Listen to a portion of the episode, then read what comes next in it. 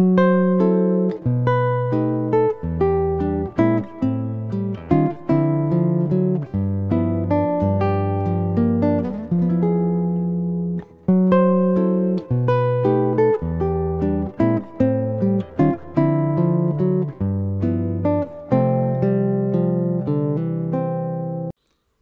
kembali dengan Old Tat Podcast. Dan di pembahasan kali ini kita akan bahas tentang eh, two class of worshippers atau dua golongan hamba Tuhan, dua golongan orang yang menyembah Tuhan. Dan di part kali ini kita akan bahas dari Matius 24 ayat 45 sampai 51. Siapakah hambaku yang setia dan bijaksana yang mana tuannya menjadikan dia eh, penguasa ruler yang berwenang atas segala isi rumahnya segala isi rumah tuannya ya. To give them meat in due season. Untuk memberikan mereka yang ada dalam rumah tersebut makanan pada waktunya. Meat in due season. Jadi eh, golongan pertama adalah hamba yang setia dan bijaksana. Apa definisi setia dan bijaksana berdasarkan ayat ini? Adalah mereka yang memberikan makanan pada waktunya. Apa nih makanan pada waktunya? Yaitu sebagai contoh kalau di kehidupan kita sehari-hari adalah pada saat musim di- eh, dingin Makanan yang paling tepat untuk dimakan pada saat musim dingin adalah makanan yang hangat atau panas. Dan kalau kita berikan makanan yang dingin di musim dingin itu bukan makanan pada waktunya. Itu nggak tepat. Tidak baik untuk tubuh kita gitu ya. Dan eh, kita juga nggak selera untuk makan yang dingin-dingin. Artinya mid in season adalah suatu makanan yang pas diberikan pada saat tersebut. Ya, seperti apa? Seperti zaman Nuh. Tuhan memberikan perintah, eh, Tuhan berikan amaran bahwa akan ada air bah dan pekabaran mid in due season pada saat itu adalah harus bertobat. Tuhan akan turunkan hujan, eh, harus masuk ke dalam batra. Itulah mid in due season di zaman Nuh. Pekabaran untuk pada saat itu. Dan di zaman kita kita juga memiliki mid in season. Makanan yang perlu kita makan di saat sekarang atau kita bisa sebut present truth. Present truth ya.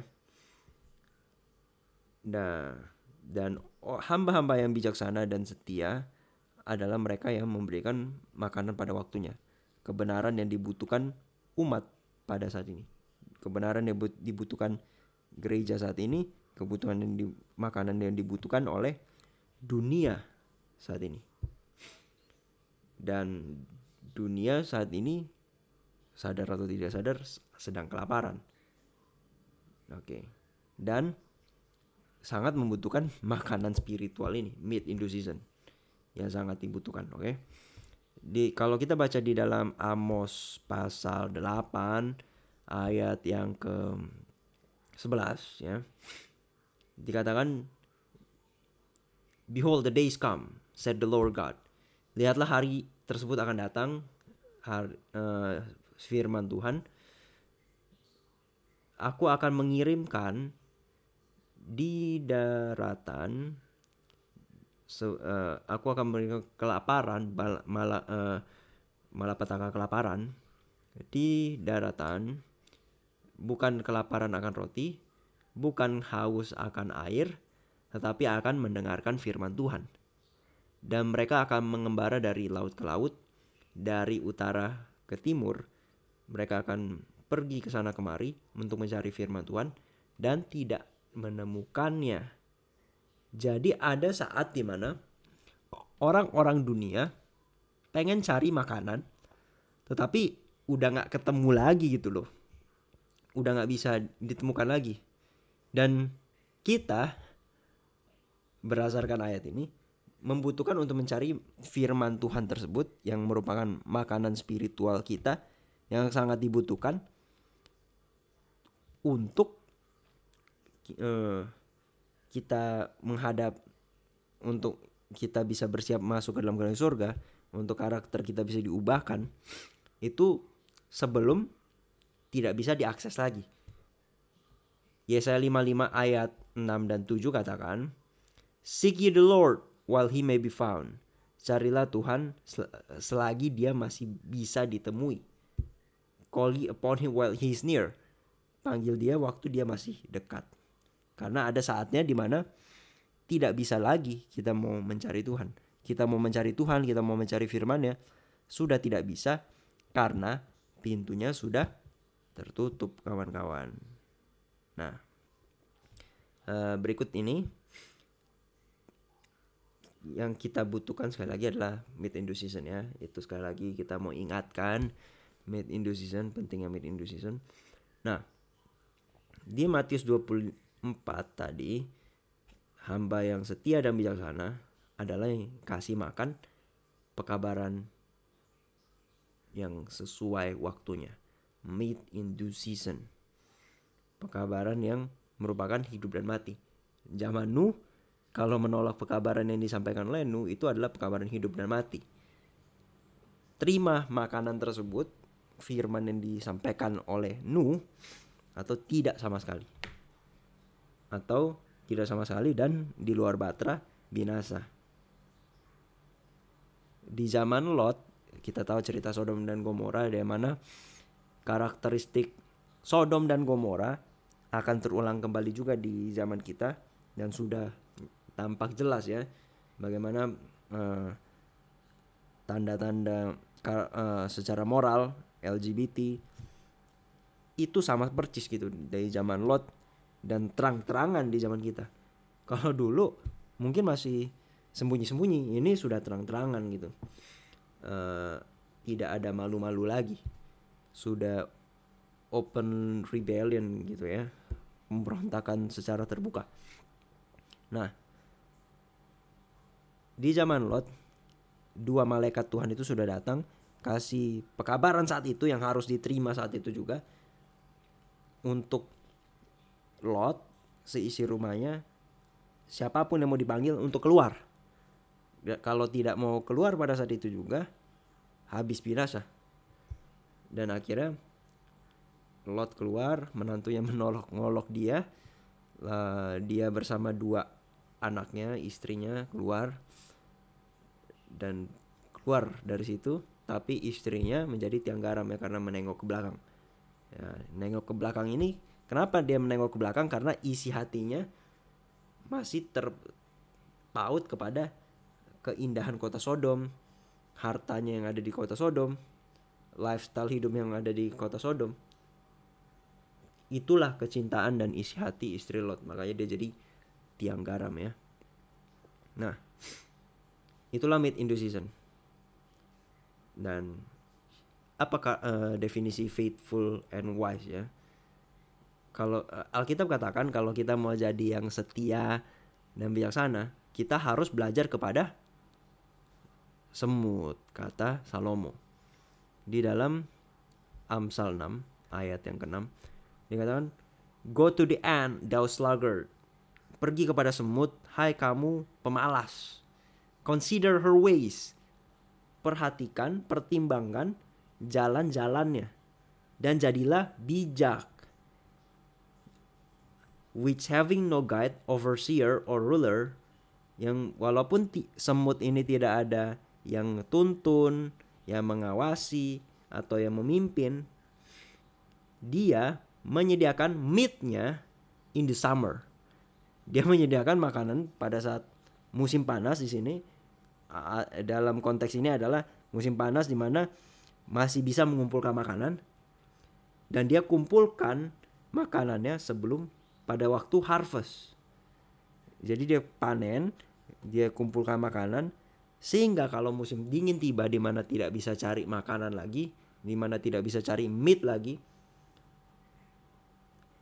maka orang semut yang bijaksana ini tidak akan menderita kelaparan karena ada makanan yang sudah dikumpulkan sama ini. Dan kalau sudah musim dingin, misalnya ada yang nggak cari masih baru cari mau makan baru mau cari makanan itu sudah terlambat dan kita dituntut sebagaimana tadi kita baca di Amos uh, ya saya uh, Amsal ini adalah untuk mencari pada saat waktunya kapan waktunya sekarang dan kapan sudah mau tertutup uh, di mana tidak bisa diakses lagi segera kapan pun kita punya akses kita harus cari oke okay? sekali lagi Hosea 4 ayat 6 katakan umatku binasa karena lack of knowledge, kurang pengetahuan. Kenapa kurang pengetahuan? Ditolak pengetahuannya, ditolak untuk mengetahui. Banyak orang menolak karena dia nggak mau tahu.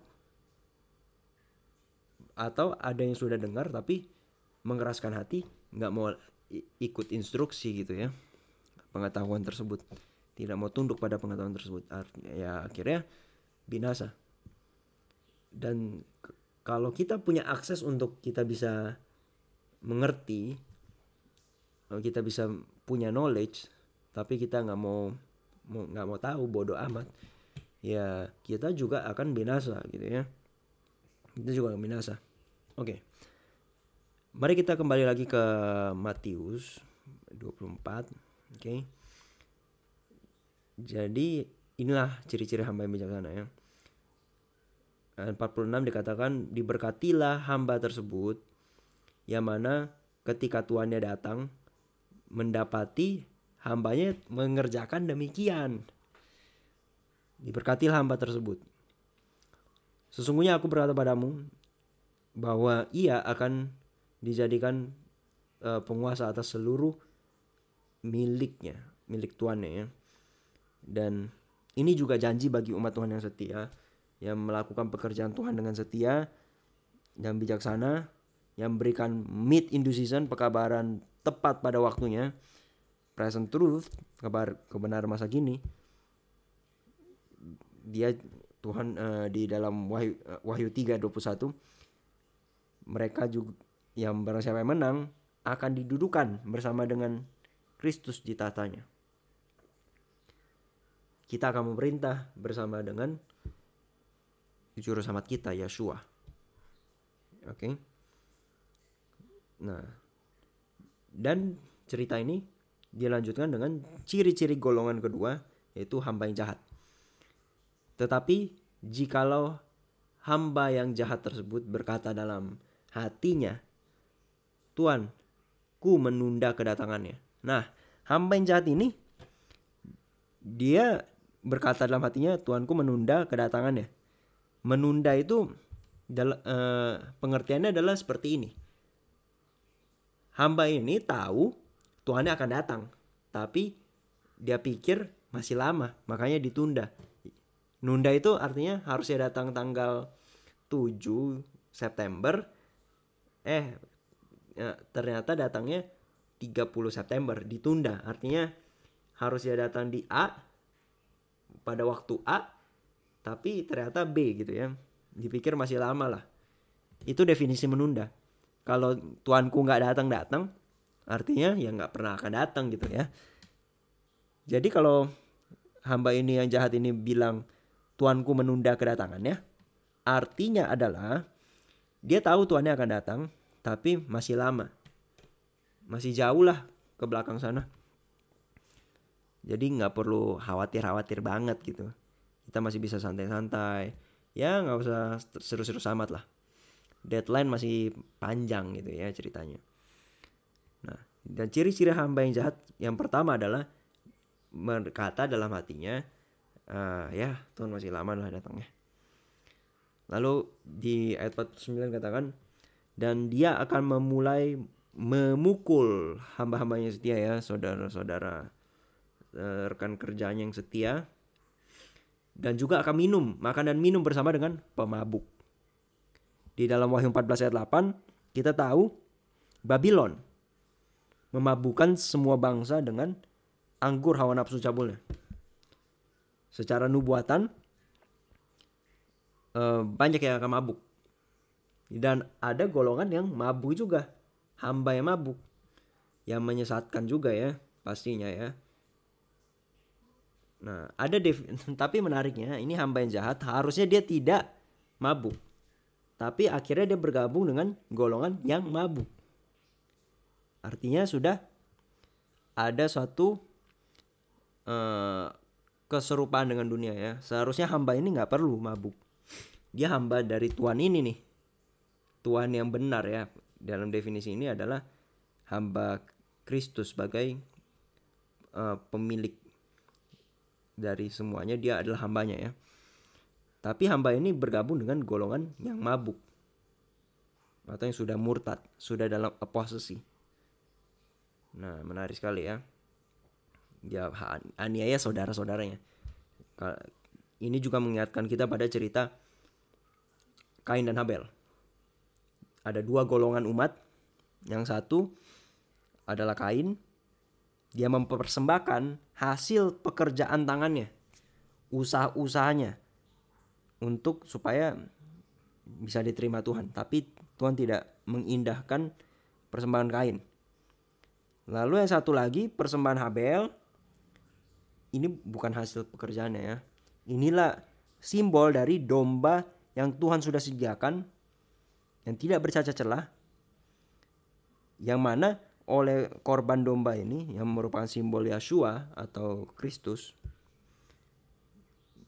domba ini harus dicurahkan darahnya melambangkan simbol bahwa pencurahan darah ini adalah yang membuat kita bisa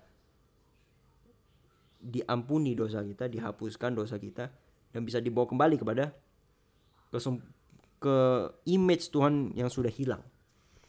Nah, dan akhirnya Kain membunuh Habel. Kain yang sama-sama membangun altar tapi dia tidak mau menurut 100% dan masih merasa saya baik, saya punya kebaikan diri, akhirnya membunuh saudaranya Habel. Oke. Nah, kita lanjut uh, ayat 50. Dan Tuhan dari hamba tersebut akan datang di hari yang mana tidak disangka-sangkanya dan di jam yang dia tidak aware ya tidak uh, berjaga-jaga tidak bersiap and shall cut him asunder dan akan meng, memotong dia ya menganiaya dia um, membinasakan dia akan membunuh dia dan membuat dia senasib dengan orang-orang yang munafik di sana akan terdapat ratapan dan kertakan gigi dan hamba-hamba yang jahat yang berkata dalam hatinya, Tuanku menunda kedatangannya. Yang akan juga menganiaya saudara-saudaranya. Karena dan juga minum anggur yang sama dengan anggur Babylon. Siapa Babylon? Uh, ada pelajaran yang lain. Babylon ini adalah uh, mother of harlots. Mother ini uh, uh, ibu wanita simbol, simbol gereja, gereja ya adalah simbol gereja di mana sebagaimana Kristus mengasihi jemaat demikianlah suami harusnya mengasihi jemaat itu kalau kita baca di Efesus 5 ayat 22 sampai 25 dan mother of harlots ini adalah akar dari semua doktrin-doktrin yang salah. Dia membuat semua bangsa mabuk. Dia membuat raja-raja dunia mabuk. Itu Wahyu pasal 17 ya. Dan siapa dia? Dia adalah Roman Catholic Church RK Roma Katolik. Yang mana kalau dia adalah ibu dari segala pelacur dia punya anak-anaknya siapa anak-anaknya siapa pun yang masih berpegang pada doktrin dan tradisi si ibu itu adalah protestan-protestan yang masih pelihara hari minggu punya karakteristik yang sama percaya trinitas itu semua adalah anak dari si ibu. Dan gereja yang murni adalah yang tidak mengikuti lagi uh, semua tradisi dan doktrin tersebut. Yang benar-betul memelihara hukum dan ke, memila, uh, memiliki kesaksian Yesus, Yeshua. Orang-orang yang betul-betul percaya Alkitab sungguh-sungguh dan mau hidup sesuai dengan firman Tuhan dalam Alkitab. Itulah yang merupakan gereja murni. Gereja murni. Tapi ada hamba-hamba yang harusnya gereja murni tapi akhirnya bergabung juga. Bersatu dengan dunia, bersatu dengan gereja yang murtad nih sudah mulai menerima, oke? Okay? Dan itu ada di pembahasan lain dan kita sudah juga melihat tanda-tandanya bahwa dalam gereja yang harusnya murni, harusnya punya diberikan kepercayaan yang besar, tetapi akhirnya uh, bersa mulai bersatu dengan dunia dan akhirnya akan menganiaya saudara-saudaranya yang tidak mau bergabung dalam kemurtatan tersebut, yang bekerja dengan sungguh-sungguh, yang berikan pekabaran tepat pada waktunya. Dan panggilan untuk kita semua adalah kita mau menjadi golongan orang-orang yang setia dan bijaksana. Yang seperti semut mengumpulkan makanan pada waktunya dan apa yang sudah kita terima kita mau bagikan kepada mulai dari keluarga kita, mulai dari tetangga-tetangga kita, mulai lagi dari rekan-rekan terdekat kita supaya kita semua bisa selamat. Itu panggilan buat kita. Dan kita sebagai orang yang menantikan kedatangan Yeshua Hamasiah Kristus yang kedua kali kita dipanggil untuk selesaikan pekerjaan Injil. Dia tidak akan pernah datang kalau Injil kerajaan ini tidak pernah selesai. Dan ini adalah tugas kita untuk menjadi orang-orang yang memberikan makanan pada waktunya ini. Dan kita harus tahu apa makanan yang harus diberikan ini. Karena kalau kita tidak tahu, kita bukanlah golongan hamba yang setia dan bijaksana yang kasih makanan pada waktunya. Dan kalau Tuhan masih berikan kesempatan kita akan belajar apa ini mid in due season dengan lebih dalam lagi di sesi berikutnya. Dan juga bisa cek uh, di YouTube Old Pet Ministry kita juga ada bahas beberapa topik tentang mid in due season. Mulai dari malaikat pertama mulai dari Syabat dan sebagainya. Daniel 11 uh, eh, bagaimana penggenapan nubuatan kita sudah posisinya di mana? Itulah yang perlu dimakan. Dan bagaimana juga kita bisa bersiap bisa selamat kita bisa memperoleh jubah putih itu. Bagaimana? Itu semua adalah mid in season yang sangat sangat sangat dibutuhkan. Oke. Okay. dan sekali lagi kita ingatkan di dalam wahyu pasal 3 ayat yang ke 3 karena itu ingatlah bagaimana engkau telah menerima dan mendengarnya turutilah itu dan bertobatlah. Karena jikalau engkau tidak berjaga-jaga aku akan datang seperti pencuri. Dan engkau tidak tahu pada waktu manakah aku tiba-tiba datang kepadamu. Bagi orang yang berjaga-jaga bagi orang yang setia dalam pekerjaannya berharap hari ini dia akan datang. Yang tidak menunda-nunda pekerjaan karena berpikir masih lama datangnya kedatangan Yeshua itu akan kita sambut dengan sukacita kita tidak akan kecolongan tapi orang-orang yang tidak berjaga-jaga akan kecolongan seperti kemalingan, seperti pencuri. Dan sekali lagi, panggilan buat kita adalah bertobatlah sebab kerajaan surga sudah dekat. Hari ini jikalau engkau mendengarkan suaraku, jangan keraskan hatimu. Tuhan memberkati. Hai, gimana terberkati nggak dengan podcast kali ini? Jangan lupa untuk share podcast ini sebagai salah satu sarana untuk menyebarkan Injil kepada seluruh dunia.